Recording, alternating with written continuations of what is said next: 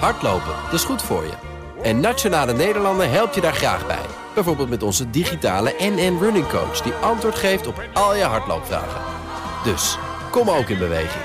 Onze support heb je. Kijk op nn.nl slash hardlopen.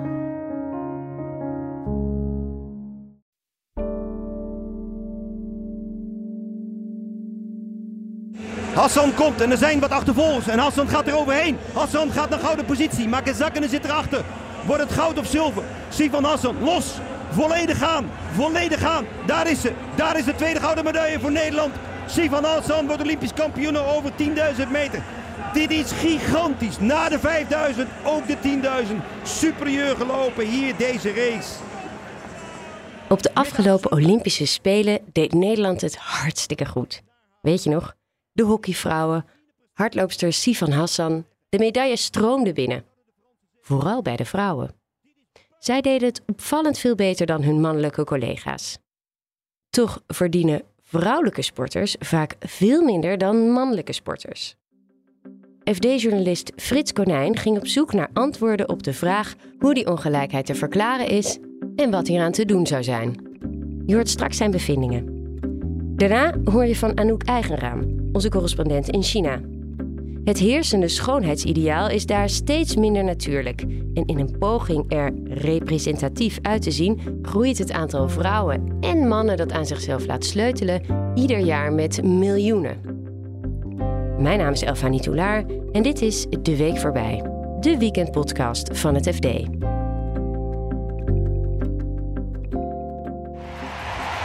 Bol op haar superbest. Aan de buitenkant Kraftziek, die Duitse, die goed gestart is. Maar Bol pakt nu de leiding.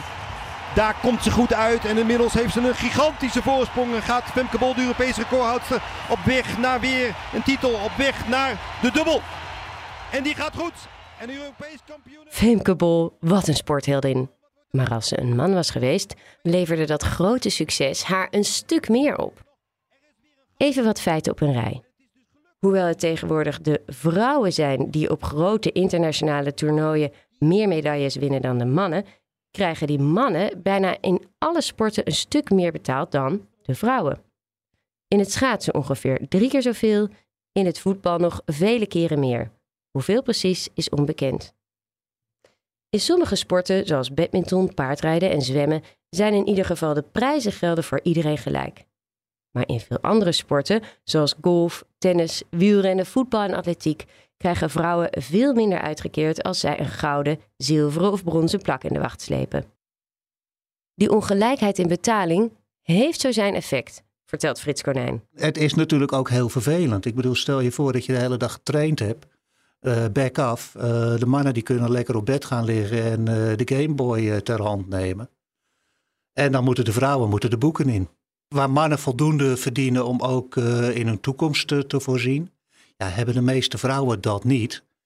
En die moeten zich dus zorgen maken over hun toekomst, uh, er wat bij studeren, um, andere activiteiten ernaast hebben, met als gevolg dat ze zich nooit voor de volle 100% op hun sport uh, kunnen concentreren.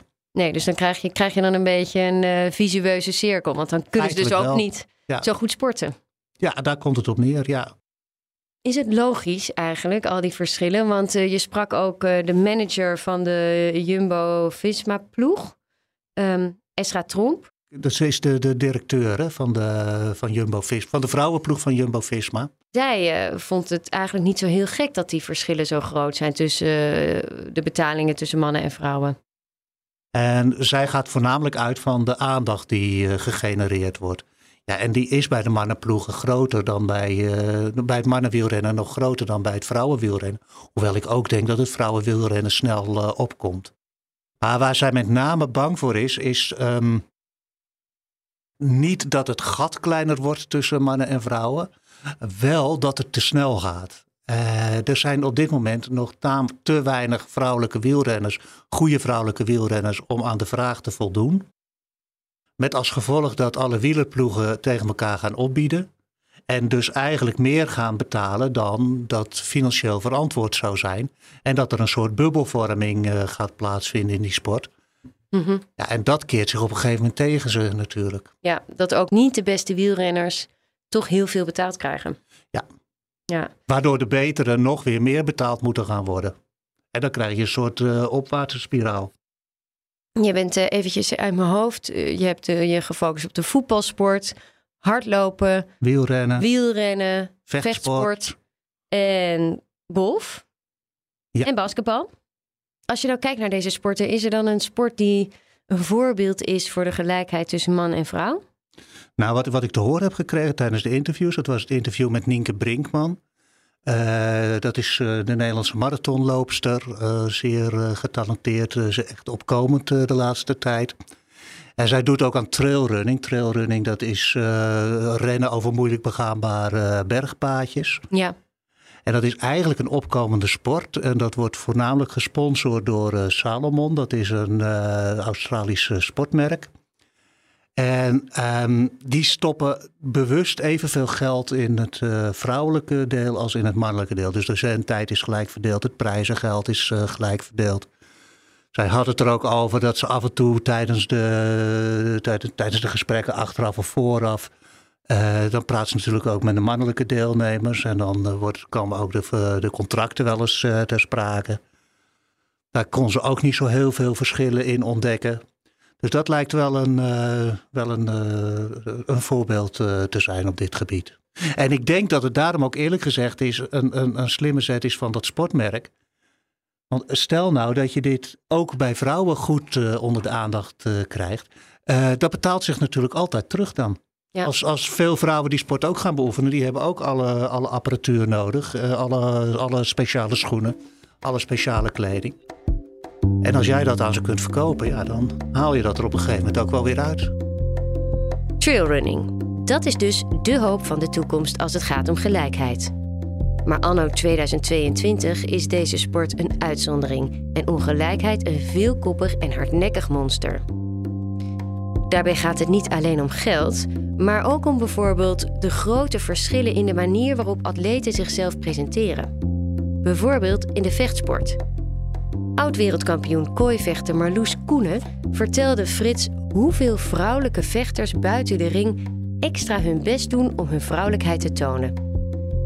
Met hoge hakken en sexy jurkjes hopen ze de aandacht van sponsoren te trekken.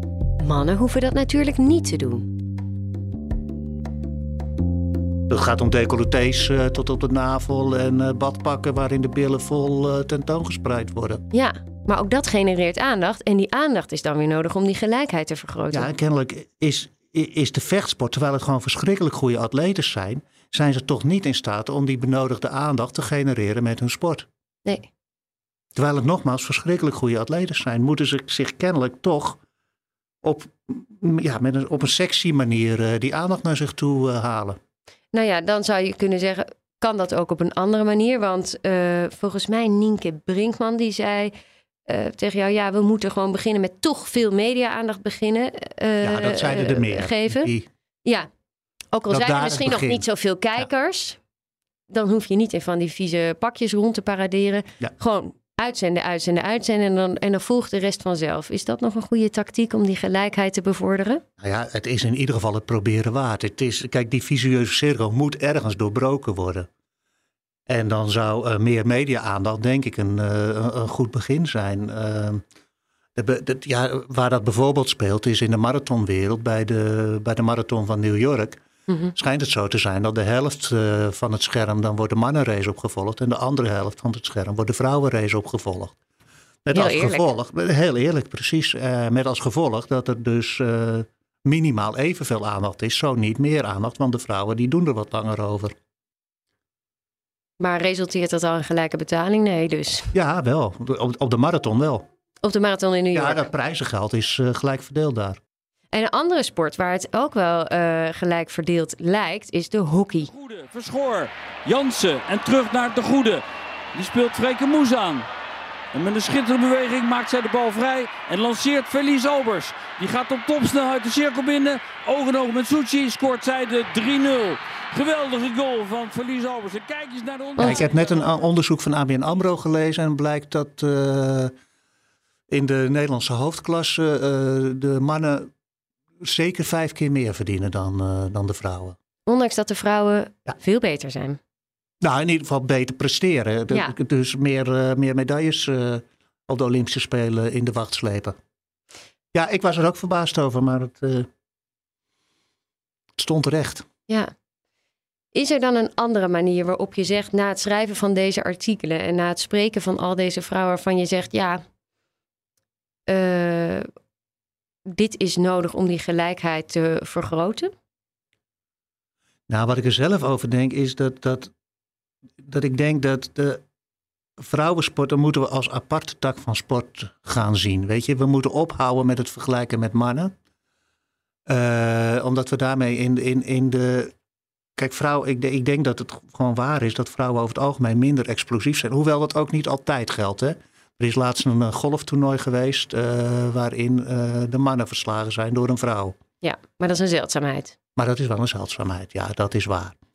Ehm, maar dat we eigenlijk op moeten houden met die vergelijking en het gewoon als aparte tak van sport moeten gaan zien. En dus ook op die manier moeten gaan belonen. Na prestatie onderling. En eh, niet naar prestatie in vergelijking met mannen. Nee, want dat. Ik, ik heb ook een, oefen, een, een oefenpotje gezien van de vrouwen van Chelsea. Die, eh, die spelen dan tegen de mannen van Chelsea. Ja, het, ik vind het heel jammer, maar het is ontluisterend. Ja. Bedoel, De mannen die tikken ze echt weg. En dat is gewoon een kwestie van explosiviteit. Dat, dat- ik, ik, denk dat vrouwen tactisch en technisch misschien wel net zo goed zijn. Maar qua explosiviteit redden ze het niet ten opzichte van, eh, van de mannen van Chelsea. En die explosiviteit, dat moet niet de verklaring zijn voor eh, de hoogte van de, van de prijzen of het salaris.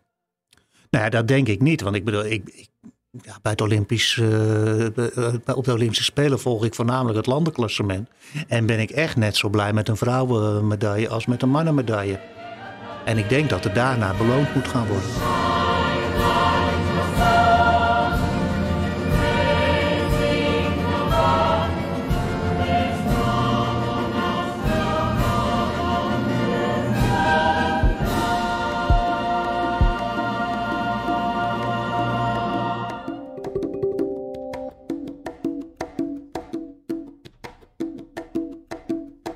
Toen China-correspondent Anouk Eigenraam een bezoek bracht aan een plastische chirurgiekliniek en daar te horen kreeg dat de tijd rijp was voor een facelift, was ze verbaasd.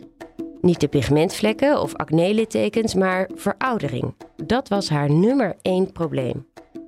Anouk ging naar die kliniek om een kijkje te nemen in een van China's nieuwe opkomende industrieën, die van de plastische chirurgie. Een miljardenbusiness. De omzet steeg van zo'n 27 miljard dollar in 2019 naar 46 miljard dollar, waar de teller vermoedelijk dit jaar op uit zal komen. Ieder jaar komen er miljoenen mensen extra bij die iets aan zichzelf willen laten doen. In 2022 zullen naar schatting zo'n 21 miljoen Chinezen een bezoekje brengen aan de plastische chirurg. Ze willen er mooi uitzien, maar doen het ook voor betere carrièrekansen. En hoewel de aantallen hard groeien, is plastische chirurgie aan zich en het op andere manieren sleutelen aan je uiterlijk niet nieuw in het land. Ik vond een artikel van een Chinese wetenschapper die terug in de tijd ging in de geschiedenis. En eh, eh, die schreef dat eigenlijk door de Japanse eh, invloed, de Japanse invloeden en ook Japanse overheersing, dat dat op een gegeven moment een beetje overgeslagen is naar ehm, China.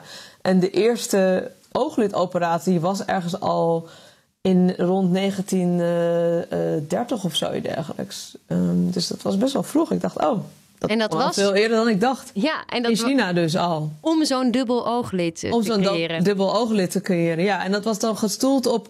Ja, omdat Japanse vrouwen dat toen ook begonnen te doen. En die deden dat dan weer ook onder invloed van. Nou ja, westerse hè, bezoekers. eh, de, tijdens de koloniale tijd begonnen natuurlijk Westelingen te komen naar China en Azië ja, en Japan.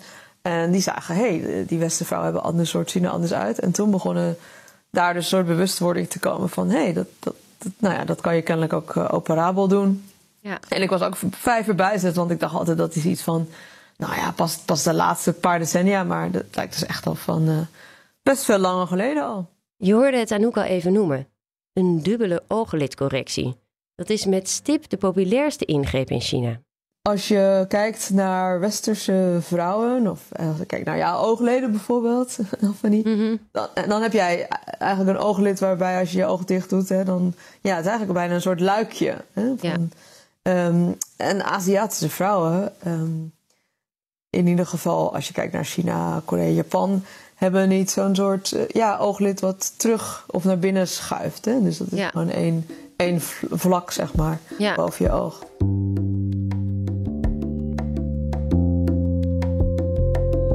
Het schoonheidsideaal dat wordt nagestreefd lijkt veel op dat van ons.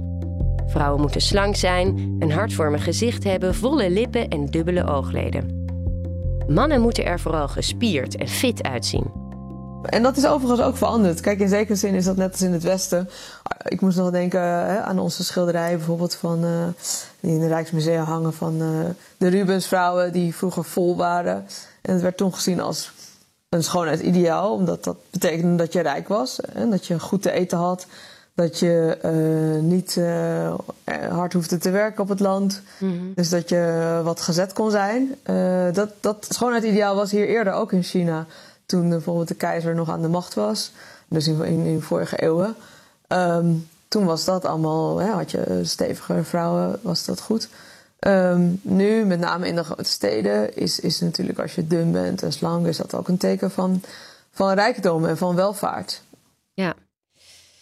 Jij ging om dit in kaart te brengen langs eh, een plastische chirurgiekliniek en sprak allerlei mensen hierover. Wat kwam je allemaal tegen? Standaard is eigenlijk voor als een vrouw naar een kliniek gaat.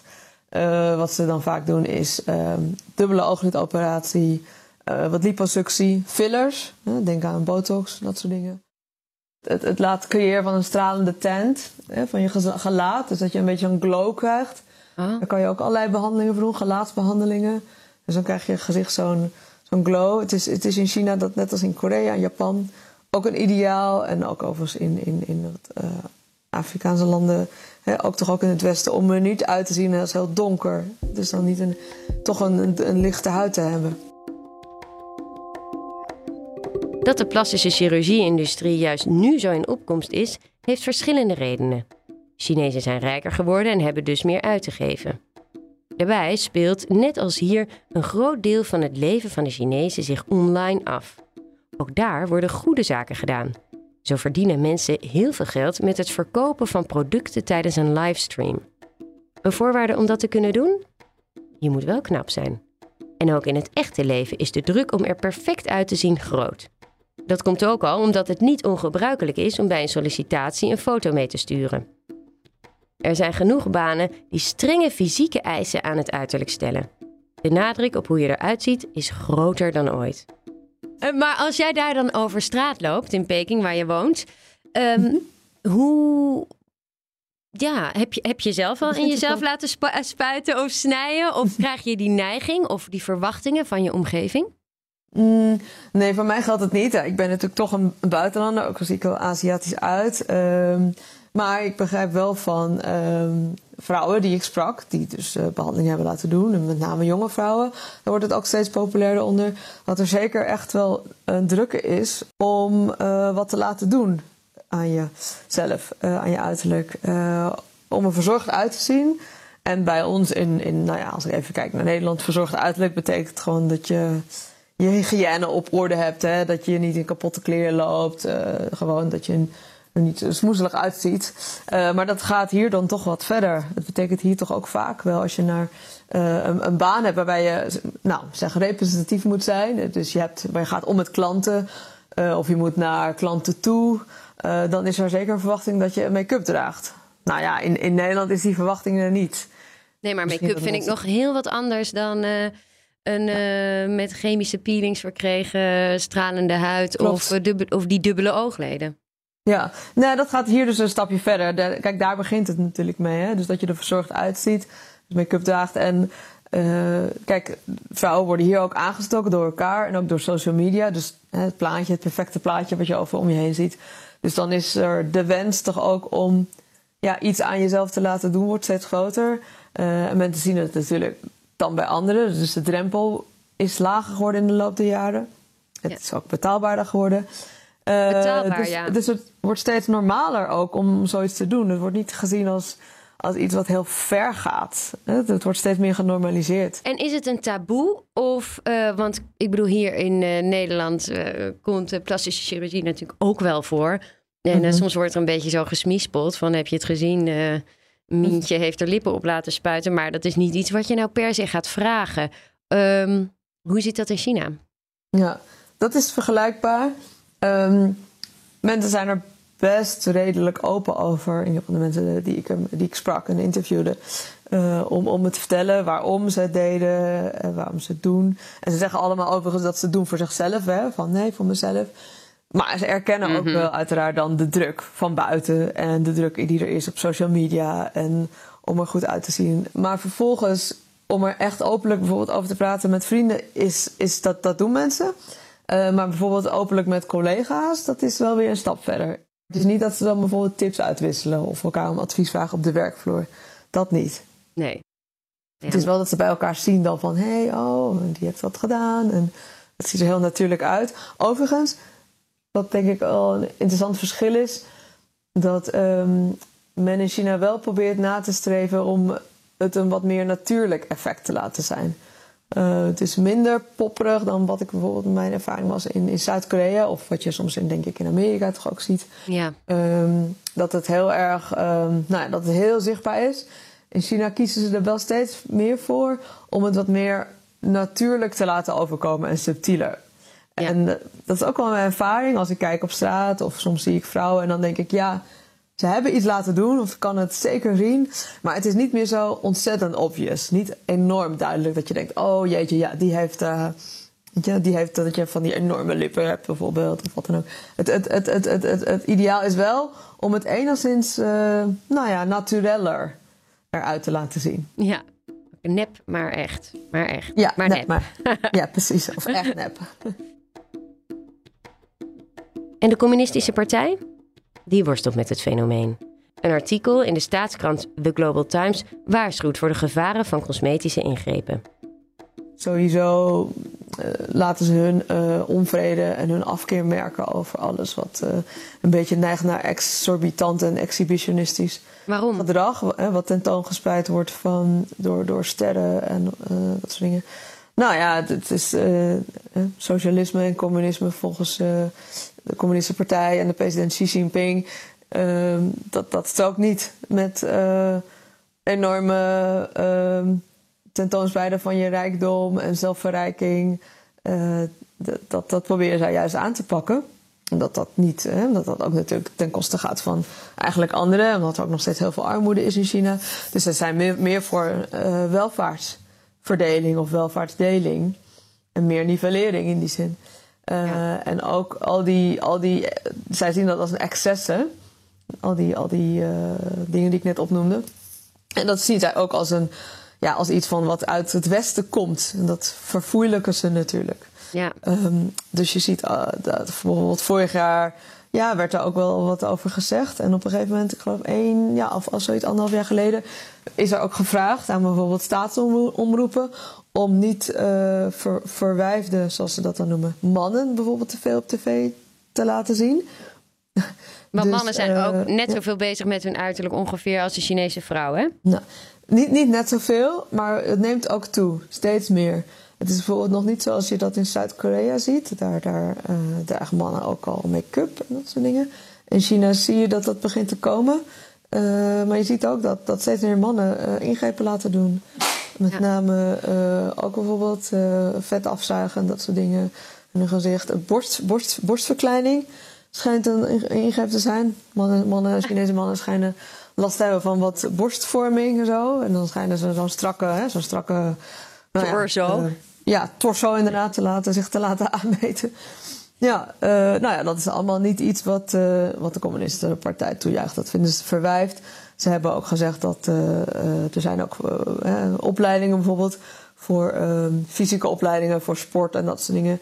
Dat moeten ook geen verwijfde mannen zijn. Er moet meer aandacht zijn voor mannelijkheid daar ook. Ja. Dat is ex expliciet gezegd op een gegeven moment. Nou ja, die weerstand tegen het Westen, dat is natuurlijk niet zo verrassend. Maar dat ze dit een excess nee. vinden, daar um, hebben ze misschien wel een klein beetje gelijk in. Wat vind jij? is hier Mm. sprake van excess? Mhm. Ja, ik, ik denk dat je dat overal ziet, toch? Ik eh, denk dat eh, we in Nederland, waar we toch enigszins zijn van doe maar gewoon, dat ook vinden van vrouwen in, in, eh, in Hollywood of overal ter wereld. Ik bedoel, ik heb ook een tijd in Zuid-Korea gewoond. En, en daar met name ook, ja, ik was wel verbijsterd op een gegeven moment hoe, hoe, hoe, hoe erg het is dat je als je op straat loopt, dat al die meisjes, met name al die jonge meisjes, ehm, er hetzelfde uit beginnen te zien. Ze kleden zich hetzelfde, maar ze laten dus ook ze, dezelfde soort eh, operaties, oogleden zich aanme- aanmeten. Ja. Eh, ja, iedereen wil daar ontdekt worden als K-popstar. Iedereen wil rijk worden. Iedereen begint er hetzelfde uit te zien. En, en ze zien er ook niet meer Koreaans uit. Want klassieke Koreaanse trekken bijvoorbeeld, ja, die, die gaan dan verdwijnen. Ehm, dat, en, en ik heb zelfs gehoord, een van de chirurgen hier vertelde mij dat hij Koreaanse vrienden had. Ja, en die spaarden ook bijvoorbeeld eh, voor hun kind. eh, om dan toekomstig eh, eventueel operaties kind? te laten doen. Ja, want dat zei ik ook. Want kinderen, als jij wat aan jezelf laat doen. en je man ook. Ja, dan lijkt je toch ook niet meer op je baby. Of op- je kind wat later dan opgroeit. Die ziet er natuurlijk heel anders uit. Ik dacht, nou ja, dat moet ook iets bizar zijn. Dat je dan niet op je ouders lijkt. ja. En dan ben je niet eens geadopteerd. Jeetje. Ehm, eh, nou ja, weet je, ehm, nou ja, dat, dat is natuurlijk best maf. Maar ja, die waren dus aan het sparen eh, om, om dan hun kind eh, in staat te stellen om, om, eh, om, om, zich te, om, om ook corrigerende operaties te laten doen. In plaats van nou ja, dat je spaart voor een studiefonds. Ja, ik moet zeggen, dat, dat vind ik wel echt heel extreem. ja, en zover is het nog niet in China. Eh, dat heb ik daar nog niet gehoord, nee. Wel, wel dat als je bijvoorbeeld werkt voor bepaalde bedrijven, met name Koreaanse bedrijven, dat je ook nou ja, soms drie uur, drie uur eh, van tevoren opstaat eh, om je make-up te doen en je haar te krullen en dat soort dingen. Ja, ik, sla, ik slaap liever een, een uurtje langer uit, moet ik zeggen.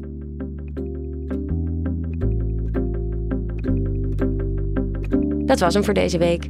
Dankjewel voor het luisteren. Als je deze podcast leuk vindt, abonneer je dan. Dat kun je doen door te zoeken op FD de Week voorbij, op welk platform je ook naar podcast luistert. En deel hem met je vrienden. Dat helpt ons weer om gevonden te worden. Redactie van deze podcast is in handen van Yilda Bijboer en de muziek komt van Visionair Ordinaire. Wil je reageren op deze aflevering? Dat kan natuurlijk. Je kunt mailen naar podcast.fd.nl of je kunt mij vinden op Twitter, Elfanie. Een heel fijn weekend en tot volgende week. Hardlopen, dat is goed voor je. En Nationale Nederlanden helpt je daar graag bij. Bijvoorbeeld met onze digitale NN Running Coach... die antwoord geeft op al je hardloopvragen. Dus, kom ook in beweging. Onze support heb je. Kijk op nn.nl slash hardlopen.